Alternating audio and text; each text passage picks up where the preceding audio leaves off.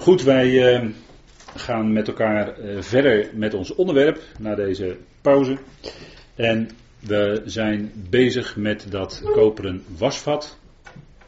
En we hebben daarvan vlak voor de pauze met elkaar gezien hoe dat in Johannes eigenlijk dat water zo sterk naar voren komt. Als beeld van uh, het woord en ook de geest van God. Hè. Prachtig beeld wat we dan hebben in de natuur daarvan. En Exodus 38, vers 8, daar wil ik ook even met u naartoe. Waar werd nou dat wasvat van gemaakt? En het was natuurlijk van koper, maar er staat ook beschreven waarvan. Dat gaan we even met elkaar opzoeken.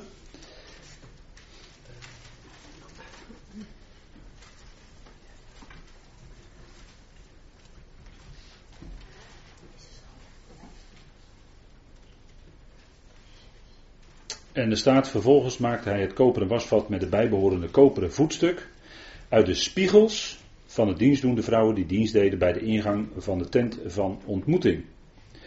Dus die, dat wasvat dat werd dus gemaakt van de spiegels.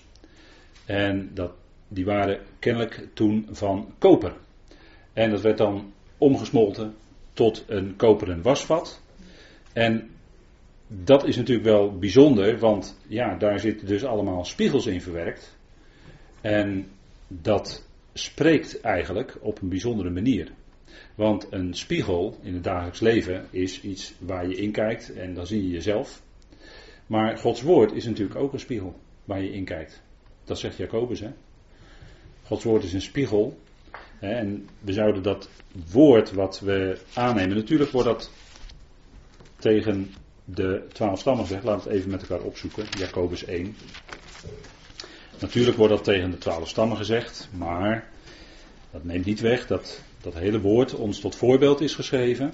En dat we daaruit onze, hè, het is ons tot lering, tot opbouw, tot lering beschreven. En dan staat er in Jacobus 1,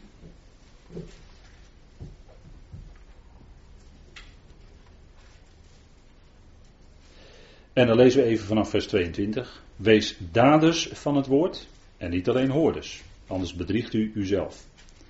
Als iemand immers een hoorder van het woord is en geen dader, lijkt hij op een man die het gezicht waarmee hij geboren is in een spiegel bekijkt. Het, letterlijk staat er dan het gezicht van zijn geboorte. Want hij heeft zichzelf bekeken, is weggegaan en is meteen vergeten hoe hij eruit zag. En zo kan het ook zijn met het woord. Hè. Je hoort dat. En ja, je denkt daar, eh, je, hoort, je hoort het aan. En je denkt daar verder niet over na. En je laat het niet echt in je komen. Je gaat er niet, hè, als, je, als je alleen, uh, zoals mensen uh, soms doen, als je alleen op zondag een, een, een spreekbeurt hoort, en je doet er vervolgens, uh, je gaat niet daarmee thuis nog eens over nadenken, nog eens dingen nazoeken. Uh, maar je gaat uh, vervolgens gewoon je eigen gang en in de rest van de week denk je daar niet meer aan terug. Dan lijkt je op zo iemand. Dan heeft het geen uitwerking in je leven. Maar het punt is dat we dat woord horen en dat is niet zomaar, maar dat is Gods woord. En dat is voor ons eigenlijk wat het belangrijkste is en wat daadwerkelijk ook in ons werkt. Daarvoor horen we. En zoals bij God, hè, bij God is het zo, dabar, een woord is tegelijkertijd ook een daad. Dat wil zeggen, het is niet zomaar een woord wat gesproken wordt en wat verder geen uitwerking heeft. Nee, de Heer zegt heel duidelijk in Jesaja 55 bijvoorbeeld, hij zal het uitzenden, dat woord, en het zal doen wat hem waagt. En het zal niet leeg tot hem terugkeren. Dat woord heeft een uitwerking. Dat woord werkt. En als je het woord hoort, hè, en dan kun je zijn, soms als gelovige, hè, misschien heb je wel eens zo'n fase in je leven, dat het je, dat het je eigenlijk niet zoveel zegt. Als gelovige, eh, dan kan het zo zijn dat je dat woord hoort en je kijkt heel even in de spiegel en uh, een half uur daarna ben je alweer vergeten uh, wat je gehoord hebt, omdat je met totaal andere dingen bezig bent enzovoort. En je vergeet het. En dan is het wat Jacobus zegt hier in vers 24. Hij heeft zichzelf bekeken, is weggegaan en vergeet hoe hij eruit zag. En dan is het weg. Maar het woord zou in ons werken. En daarom is het goed om. Wat is er nou eigenlijk gezegd? Hè? Als je iemand hebt horen spreken uit het woord, wat is er nou eigenlijk gezegd? Zoek dat thuis nog eens na. Dat is goed besteden tijd. En dan gaat het extra tot je spreken. Ga die dingen nog eens nazoeken. Of er kwam ineens een vraag op terwijl iemand sprak hè, op zondag. Kan zomaar ineens een vraag over het woord bij je opkomen. Nou, ga er dan thuis achteraan om antwoord te vinden op die vraag. En dan gaat het woord werken. En dan ga je ook zien hè, hoe, je, hè, hoe je werkelijk bent. En, en dat is als je, als je dat gaat ontdekken hè, en je gaat in het woord kijken wie je, wie je bent in Christus, hè, waar, waar we voor de pauze heel even met elkaar over hadden. Als je gaat ontdekken wie je bent in Christus, dan ga je ontdekken, ja, maar dat is fantastisch. Wat ik in hem ben, dat is geweldig. En, en uh, ja, maar dan als het zo is, dan wil ik meer van hem weten. Dan wil ik meer over God weten, dan wil ik meer. En dan gaat het woord in je werken. En dan ga ik ontdekken, hé, hey, als ik naar mezelf kijk, dan word ik niet zo vrolijk. Maar als ik in het woord kijk en kijk wie, wie hij is en wie ik in hem ben geworden, een nieuwe schepping, ja, dan wordt het ineens anders. Want dan ga je dat bewust worden. En dan ga je de Heer voor, bewust voor danken wat je hebt gehoord. En dan gaat het werken.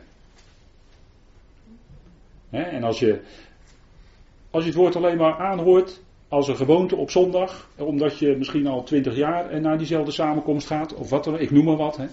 En je hoort het alleen maar aan en uh, het is voor jou alleen maar een, een bijna een dode gewoonte, om het zo maar te zeggen. Dan heeft het eigenlijk weinig effect in je leven. En dan zul je dat ook terugvinden in je leven. Maar als, als dat woord in je gaat werken, als je God echt bewust voor gaat danken, wat je gehoord hebt, ja, dan gaat er iets veranderen. Dan, dan, dan ga je ontdekken van, hé, hey, dit, dit is fantastisch. Hier wil ik meer van weten. En dan, en dan ga je daadwerkelijk iemand worden die niet alleen een hoorder is, maar dan krijgt het ook effect in je leven. En we zeggen dan wel eens tegen elkaar, dan krijgt het ook handen en voeten. Dan gaat het ook effect krijgen op hoe je doet. En wat je laat ook natuurlijk. Want je ontdekt dat gaandeweg dan langzaam dingen uit je leven verdwijnen. Waarvan je achteraf denkt, ja, dat was eigenlijk helemaal eh, dat was eigenlijk eh, niet zo nuttig waar ik mee bezig was. Ik, uh, mijn tijd is nu, wordt nu beter besteed. Nou, dat is dat spiegelen. Hè? Als, als je Gods woord hoort, dan is het allereerst een spiegel die je wordt voorgehouden. En waarin je jezelf mag zien wie je, wie je bent in Hem. dat is denk, denk, ik een van de meest geweldige dingen die we als gelovigen kunnen ontdekken. Dat we in Christus zijn, een nieuwe schepping zijn. Waar Paulus zoveel moeite mee had bij de Corinthiërs om dat duidelijk te maken. Om iets van die geestelijke waarheid duidelijk te krijgen. Want die Corinthiërs waren bezig met al die, ja, om het zo maar te zeggen, al die aardse dingen. Wat wel en wat niet, wat is nou niet goed en wat is wel goed. Eh, groepjes met elkaar vormen, tegenover elkaar staan in groepjes, eh, noem alles maar op, hè, u weet het wel. En Paulus had heel veel moeite om aan hen iets van die waarheden, van die, die dingen die hij had gehoord, aan hen mee te delen. Hij kon er niet veel verder vertellen, daar, daar begint hij mee in de eerste hoofdstukken, dan Jezus Christus en die gekruisigd. En dat was ook het, een van de punten waar het bij de Corinthiërs om ging. Ze waren heel erg bezig met het oude. Met al die dingen hier op aarde. Maar het punt is dat ze door die prediking van het kruis zouden ontdekken dat niet alleen hij voor ons stierf, maar dat ook zij samen met hem mede gekruisigd zijn. Kijk, en als je dat gaat beseffen, dan kom je ook verder in je geloofsleven. Samen met hem niet alleen gekruisigd, maar ook begraven en ook opgewekt om in een nieuw leven te wandelen. Kijk, dan, dan ziet het er heel anders uit. En bij die Corinthiërs was dat heel moeilijk.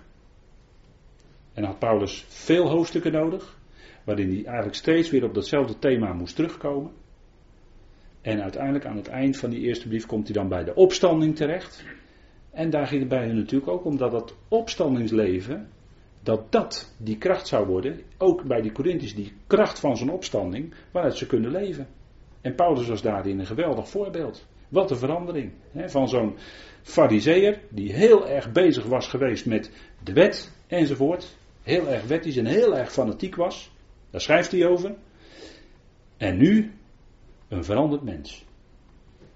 Iemand die vol ongeduld en woede anderen vervolgde, werd een apostel die met alle geduld en liefde en zachtmoedigheid anderen predikte.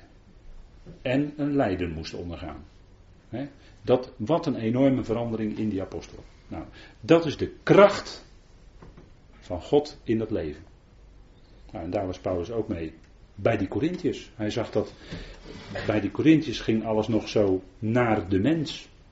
als jullie verdeeld zijn in groepjes, dan leven jullie eigenlijk nog naar de mens, zegt hij. Dan zijn jullie nog onmondigen in Christus. Dan sta je in feite nog aan het begin. Maar die eenheid van de geest is er en die uitleven. En dan kijk je niet meer naar verschillen in het vlees, maar dan kijk je naar elkaar in Christus. Zie die ander aan in Christus.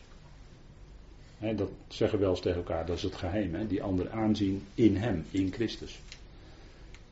Dan zie je voorbij aan dingen die, waarvan je vroeger misschien heel erg aan stoorde, maar daar kun je dan aan leren voorbij kijken. Spiegelen. En daar spreekt het woord natuurlijk van. De wassingen. Aaron en zijn zonen zouden dan hun handen en voeten kunnen wassen. En het was ten behoeve van de dienst aan God. Dat lezen wij in Exodus 30. Laten we het even met elkaar lezen. Dan kunt u dat zien dat het daar zo beschreven staat. Wat de functie was, hè, want het wasvat was er niet alleen maar als een mooi voorwerp, maar het had een duidelijke functie. Het moest gebruikt worden. En er staat zodat Aaron, dus Mozes moest er altaar, eh, moest, moest het wasvat daar neerzetten en er water in doen. Nou dan vers 19 van Exodus 30. Zodat Aaron en zijn zonen hun handen en voeten daaruit kunnen wassen. Wanneer zij de tent van ontmoeting binnengaan. Dus ze moesten vooraf zich wassen. Moesten zij, moeten zij zich met water wassen opdat zij niet sterven. Of wanneer ze tot het altaar naderen om dienst te doen voor een vuuroffer, voor de Heer in rook te laten opgaan, moeten zij hun handen en voeten wassen, opdat zij niet sterven. En dit is een ionische verordening voor hen, voor Aaron en zijn nageslacht, al hun generaties door. Dus dat is een uitdrukkelijk voorschrift. En het was zelfs opdat zij dan niet zouden sterven. Dus zo belangrijk was, waren die wassingen hier. En dat heeft dus alles te maken met de dienst. Om dienst te kunnen doen, moesten zij zich eerst wassen. Daar was het wasvat voor. Dat was dus voor letterlijk het reinigen van de handen en de voeten. En waar spreekt dat van? Nou, we hebben al gezien dat dat wasvat spreekt van de Heer zelf, die het woord geeft, hè, wat, wat van boven komt naar beneden toe, dat water, opdat ze daarin kunnen wassen. En als we kijken wat de Heer doet in Johannes 13, Laten we dat even erbij opslaan. Want dat is die bijzondere gebeurtenis als hij daar in die bovenzaal is met zijn discipelen. Vlak voordat hij gekruisigd zou gaan worden. Dat de, die samenkomst in die opperzaal. En wat doet de Heer dan? Dan wast hij de voeten. En dan staat er ook zo mooi hè, in dat uh, eerste vers. En voor het feest van Pascha, toen Jezus wist dat zijn uur gekomen was en dat hij uit deze wereld zou overgaan naar de Vader, heeft hij de zijnen die in de wereld waren, die hij en die hij lief had, heeft hij lief gehad tot het einde, staat er dan, tot de voleinding. Die discipelen die hem vaak zo moeilijk begrepen. En die waarvan er zelfs één was waarvan hij zei dat hij niet rein was. Judas, hè, er wordt in vers 2 over gesproken. En toen dan de maaltijd plaatsvond en de duivel, dus de diabolos, Judas Iscariot, de zoon van Simon, al in het hart gegeven had hem te verraden, of om hem over te leveren, staat er letterlijk, stond Jezus die wist dat de Vader hem alle dingen in handen gegeven had en dat hij van God uitgegaan was en tot God heen ging, op van de maaltijd. Dus hij stond op. En als dat zo nadrukkelijk staat, dan heeft dat ook iets te maken met de opstanding. hij stond op, staat hier heel nadrukkelijk. En hij legde zijn kleren af, nam een linnen doek en deed die om zijn middel. En daar ging hij doen wat eigenlijk bij dat wasvat gebeurde. Hij ging de voeten wassen van zijn discipelen. En hier zien we dat de Heer zo anders was dan menselijke leiders. En daar had hij ook van gesproken. Hij diende. En ik las vandaag een stukje ergens, en dat was een bekende voorganger hier in uh, Nederland. En die zei van uh, dat hij op een gegeven moment uh, tot het inzicht was gekomen dat het bij leiderschap niet gaat om leiden in de zin van overheersen, maar dat het gaat om dienend leiderschap. En dat hij dat had geconstateerd bij toch heel wat, laat maar zeggen, leidende mensen, met EI dan in Nederland, binnen de christelijke wereld. En dat hij ehm, wel leiderschap had gezien, maar zo weinig dienend leiderschap. En dat is wat de Heer heeft voorgedaan hier hè, bij zijn discipelen. Hij diende ze door hun de voeten te wassen. En nou wordt dat natuurlijk wel eens aangegrepen om dan elkaar letterlijk de voeten te gaan wassen. Maar waar het van spreekt is dat de Heer, hij waste de voeten van zijn discipelen. Want die voeten komen in aanraking met de aarde. En u ziet op de dia er al staan, wandel. Wij leven in deze wereld. En soms allerlei dingen die vanuit die wereld op je afkomen. Daar heb je als gelovige wel eens last van dat je denkt van hé, hey, dat, dat blijft een beetje vervelend bij me hangen. En daar is nou die belangrijke functie van het woord van God. Als je dat woord van God daar in je laat werken, op je in laat werken, dat woord van God erbij pakt, met God erover spreekt, dan merk je dat dat woord een reinigende werking heeft. Gewoon dagelijks. En dan zegt u ja, we zijn geheiligd in Christus, zeker. En we, we zijn gereinigd, zegt Paulus ook hè, tegen de Corinthiërs. Jullie zijn geheiligd, jullie zijn gereinigd, jullie hebben je laten afwassen. Maar kijk eens waar die Corinthiërs in de praktijk mee bezig waren. Niet omdat wij daar met de vinger naar wijzen op een of andere manier, maar gewoon als voorbeeld. Kijk eens waar ze mee bezig waren in de praktijk. En dan wijst Paulus naar, ja maar jullie hebben je laten afwassen. Jullie zijn gereinigd van die dingen, van zo'n, van zo'n wandel waar je vroeger in betrokken was. En dan is het nu zaak om als gelovige, ja waar ben je bij, je hoort bij hem. En tussen de wereld en jou staat het kruis, wel degelijk. Je bent met hem gekruisigd, wees je dat bewust. Dat oude is afgesneden. Dat is ook een functie van het water. Hè? Dat is ook een functie van de doop. Niet van eh, letterlijk water, maar van de doop in hem en met hem. Waar Colossense over spreekt. Dat we afgesneden zijn. Zijn doop, zijn dood aan het kruis is ook de onze. Dat, dan gaat het niet om letterlijk water natuurlijk, wel nee. Dan gaat het om de doop in zijn dood. We zijn in Christus Jezus, zegt Paulus. En weten jullie dan niet dat je in zijn dood gedoopt bent? Nou, er komt geen druppel water aan te pas hoor. Maar dat heeft wel een reinigende werking. Dat, dat wil het natuurlijk zeggen. En dan hebben we die dagelijkse omgang met hem nodig. Want overdag, je hebt te maken, je, je, leeft midden in die wereld en er komen allerlei dingen op je af. En heb je het nodig dat je dat je, je voeten wast. of dat, misschien kan ik beter zeggen, dat je je voeten en je handen laat wassen door de Heer. zoals de Heer hier de, de voeten waste van zijn discipelen.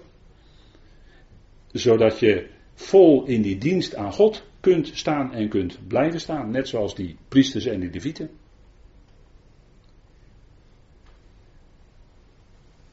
Reiniging en heiliging, hè, daar spreekt het wasvat van. Nou, dat lezen wij in uh, Efeze 5. Hè. Laten we even met elkaar opzoeken. Efeze 5.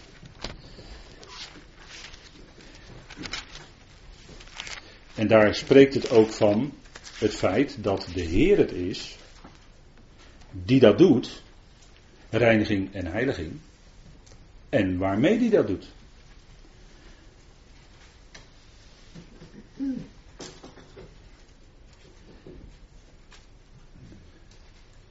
En ik lees u even voor uit de herziende statenvertaling. Excuus daarvoor, ik heb de concordante tekst hier even niet voorhanden. Mannen, hebt uw eigen vrouwen lief. Zoals ook Christus de gemeente lief heeft en zich voor haar overgeeft. En dat is wat kostbaar is. Hè? De Heer geeft zich over voor die gemeente. Dat is enorme liefde. En dat staat ook in vers 2. Hè? Dat Christus ons lief heeft, Efeze 5 vers 2. En dus de uitdrukkelijke aanwijzing voor ons wandelt in de liefde. Wandelt in de liefde. Zoals ook Christus ons lief heeft en zichzelf voor ons overgeeft als een offergave en slachtoffer tot een aangename geur voor God. Dat is hoe hij zich nu vandaag nog steeds overgeeft. Dat is vandaag nog steeds, hè, staat hier als een feit. Het is in het verleden gebeurd, hè, heeft gegeven, zeker, maar vandaag nog steeds. Hij geeft zich over als was hij offergave en slachtoffer. Hè. Dat, en dat is dat beeld uit wat we hier bij de tabernakel ook hebben, van het brandoffer, dat hij zichzelf helemaal geeft tot een aangename geur voor God. daar spreekt ook het spijsoffer van, dat ons hele leven is een aangename geur voor God. Nou, hier in vers 25 gebruikt Paulus ook dat woord overgeven. Zoals ook Christus, wat een geweldig voorbeeld hebben wij dan als mannen ten opzichte van onze vrouwen. Mannen, heb je eigen vrouw lief, zoals ook Christus de gemeente lief heeft en zich voor haar overgeeft. Dat is de aanwijzing voor ons. Zo, hè? Overgeven. Dat wil zeggen, totaal. En dan staat er, opdat hij haar zou heiligen, door haar te reinigen met het waterbad door zijn uitspraak. Door zijn uitspraak. Dus het heeft te maken met het woord. En hij is het die de gemeente dus reinigt en heiligt. Hoe? Door het woord, door zijn uitspraak. Dat woord heeft dan die reinigende werking in ons leven als gelovigen, gewoon voor de dagelijkse praktijk. En natuurlijk weten we ons gered. En dat, is, dat staat vast. Maar nu de dagelijkse praktijk. Daarin is dagelijks dat, die inwerking van het woord nodig. Zodat we in dat dienstbetoon aan God kunnen staan. En als daar andere dingen, hè, stoorzenders, laat ik het maar stoorzenders noemen, als die daartussen komen, dan zal je gaan merken dat het verstoringen doet optreden in je dienst aan God. Dan zit je misschien uh, als gelovige op, ben je op een of andere manier, maakt niet uit hoe, want het gaat erom dat er een stoorzender is, is er ergens een stoorzender bezig. en uh, geestelijke stoorzenders, die zijn er natuurlijk genoeg in deze wereld om je af te leiden van waar het werkelijk om gaat. En dat kan er inderdaad direct al heel boos uitzien, dus zodat je ervan terugschikt. Maar het kan er ook heel mooi en heel vroom uitzien. Daar hebben we laatst nog uh, iets van gezien. Hè, hoe in zogenaamde christelijke samenkomsten, hoe het daartoe gaat. Nou, je weet niet wat je ziet. Mensen die onbeheerst vallen en lachen en stuiptrekkingen hebben. En, en dat gaat dan door voor een charismatisch-christelijke bijeenkomst. dat, en dan treden de stoorzenders op. En dat leidt af van wat het werkelijk om zou moeten draaien. Want dat gebeurt dan allemaal als de Bijbel dicht is. Dan gaat de prediker gaat allemaal dingen zeggen. En dan gebeuren er allerlei dingen. Maar dan is de Bijbel dicht. Dat zijn dingen waar je dan op moet letten, als je zoiets ziet. En dat woord, hè, als, je, als je dicht bij dat woord blijft, en voor ons specifiek Paulinische evangelie, als je dat volgt, dan merk je dat dat je bewaart, ook voor die dingen. Want dan weet je dat het voor een bepaalde tijd bepaalde manifestaties waren, die dus nu niet zo gelden. En die straks in de toekomst voor Israël wel weer zullen optreden. En wat bewaart je dan? Het woord. Dat je die lijnen volgt. En anders kom je op dwaalsporen terecht. En dat heeft te maken met een stuk uh, geestelijke, ja, zou ik maar zeggen, stoorzenders, hè? laat ik het zo maar noemen. En dat kan natuurlijk op allerlei manieren zijn. Het kunnen filosofieën zijn van mensen, gedachten van mensen, doorredeneringen van mensen, noem alles maar op. Maar dat is wat de Heer doet. Hè? Hij heiligt en hij reinigt. Hoe? Door dat geweldige water van het woord want zoals water in het dagelijkse leven je dat op allerlei manieren gebruikt, maar ook om een reinigende werking te hebben. De Bijbel noemt dat ook vleeselijke geboden van, van Tenach, hier de wassingen.